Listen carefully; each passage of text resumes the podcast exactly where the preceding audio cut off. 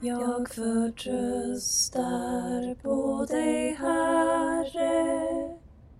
Mina dagar ligger i din hand. Du säger jag gör något nytt. Det spirar redan, märker ni det din Kristus har besegrat döden. Hej och välkommen till podcasten Be med oss. Andakts och bönepodden som produceras av EFS och SALT i Västsverige. I dagens avsnitt medverkar Karina Tretow från Espered samt Einar Schelin, Mikael Langgren och jag, Emma Boye. Vi inleder det här avsnittet i Faderns och Sonens och den helige Andes namn.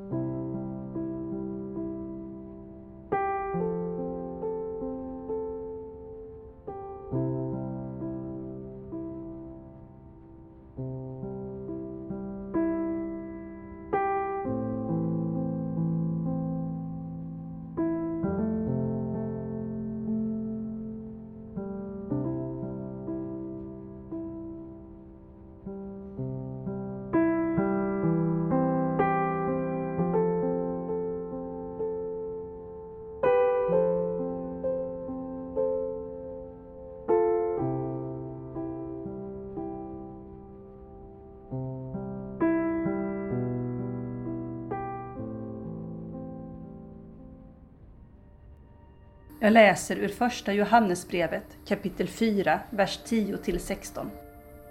Detta är kärleken, inte att vi har älskat Gud, utan att han har älskat oss och sänt sin son som försoningsoffer för våra synder. Mina kära, om Gud har älskat oss så, måste också vi älska varandra. Ingen har någonsin sett Gud, men om vi älskar varandra är Gud alltid i oss och hans kärlek har nått sin fullhet i oss. Han har gett oss sin ande och därför vet vi att vi förblir i honom och han i oss.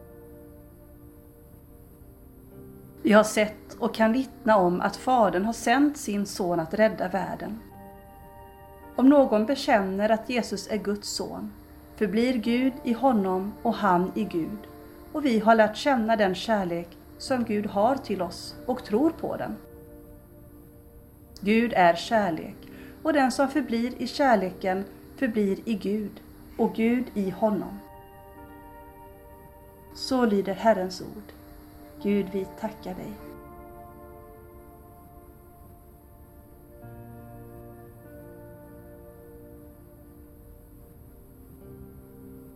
I den här texten så finns en av de jag tror allra mest använda beskrivningarna på Gud. Att Gud är kärlek. Och eftersom det är en av de allra mest använda beskrivningarna så borde det vara värdefullt att reflektera över vad det innebär. Vad är kärlek? Och vad säger det om Gud? Och vår relation till Gud? Jag tänker att kärlek har mycket gemensamt med våra mobiltelefoner. Kärleken är precis som våra mobiltelefoner sköra och behöver någon form av skydd. Alla som har fått sitt hjärta krossat vet att det kan vara svårt att våga satsa på kärleken igen. Svårt att våga älska. Och därför behöver vi skydda kärleken i vårt liv för att våga visa kärlek. Och för att ta vara på kärleken behöver vi också skydda relationen till dem vi älskar. En kärleksrelation behöver också, precis som mobiltelefonen, laddas. Det spelar egentligen ingen roll om det är kärleken till en vän, en parrelation eller relationen till Gud. För att vi ska ha glädje av dem behöver de laddas. Tid för varandra, att samtala och lyssna på varandra är grundläggande saker att ladda en relation med. Och det gäller även relationen med Gud. Avsätt tid med Gud. Prata med Gud och avsätt tid för tystnad för att ge Gud chansen att svara dig.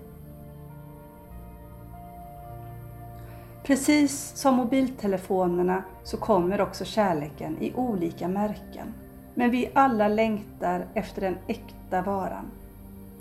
Så om Gud då är kärlek, kärlekens essens, källa och ursprung, så måste ju Gud verkligen vara kärlekens äkta vara.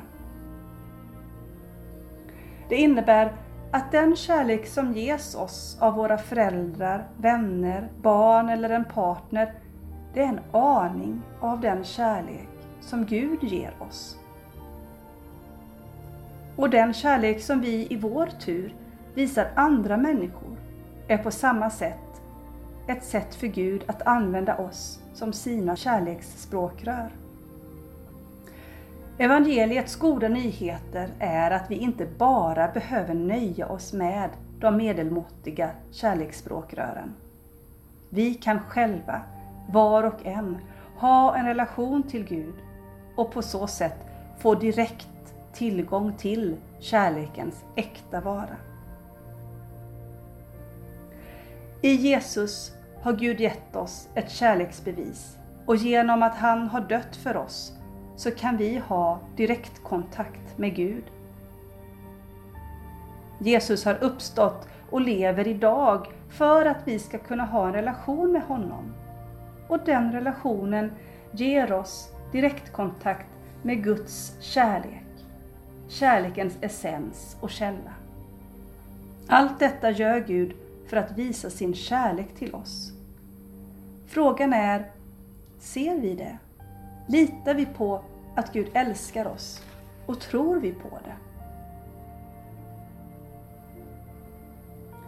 För tro och kärlek hänger ihop. Förutom tilliten, att jag måste lita på att någon älskar mig för att ha glädje av det, så behöver också tron skyddas. Min tro behöver ett skydd som är mjukt nog för att jag ska kunna andas och utvecklas, men starkt nog för att jag ska kunna stå emot slag, påhopp och tvivel. Precis som en kärleksrelation behöver också tron laddas för att jag ska ha glädje av den. Gudstjänsten, bönen och Bibeln är beprövade laddstationer för tron. Idag tror jag många sörjer avsaknaden av fysiska gudstjänster. Kanske kan vi få se de digitala alternativen som en laddstation med något lägre voltspänning som ger precis så mycket laddning vi behöver. Om bönen, Bibeln och gudstjänsten ses som eluttaget där jag laddar min tro så kan den helige Ande liknas vid sladden som sätts i eluttaget för att jag ska få del av det som laddar. Den helige Ande verkar i bönen, i Bibeln och gudstjänsten så att de fungerar som skydd och gladstation för tron. Gud lämnar oss alltså inte själva i det här arbetet. Till vår hjälp har vi fått den helige Ande som kallas just Hjälparen. Den helige Ande finns i oss och hjälper oss i arbetet med att växa i tro och kärlek. Det kan vi lita på.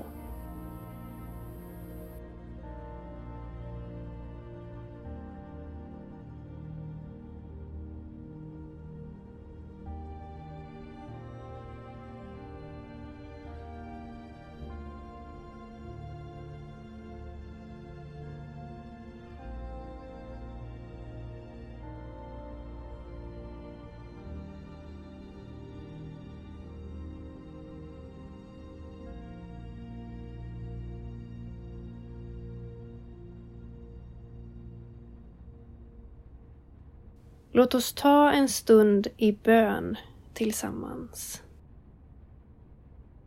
Vi ber för vår värld.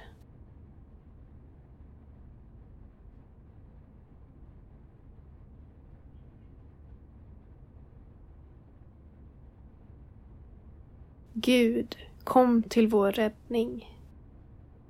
Vi ber också för vårt land.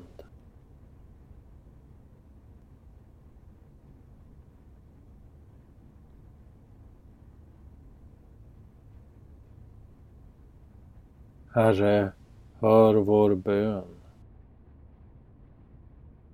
Vi ber för vår kyrka.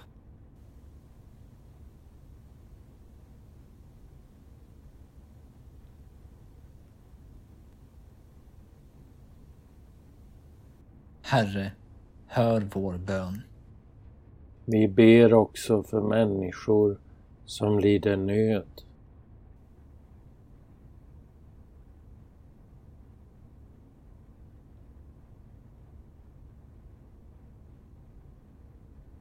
Herre, förbarma dig. Allt detta ber vi om i Jesu namn. Amen. Låt oss be Herrens bön. Vår Fader, du som är i himlen. Låt ditt namn bli helgat. Låt ditt rike komma. Låt din vilja ske på jorden så som i himlen. Ge oss idag det bröd vi behöver och förlåt oss våra skulder liksom vi har förlåtit dem som står i skuld till oss. Och utsätt oss inte för prövning utan rädda oss från det onda. Ditt är riket, din är makten och äran i evighet. Amen. Jag förtröstar på dig, Herre. Mina dagar ligger i din hand. Du säger jag gör något nytt. Det spirar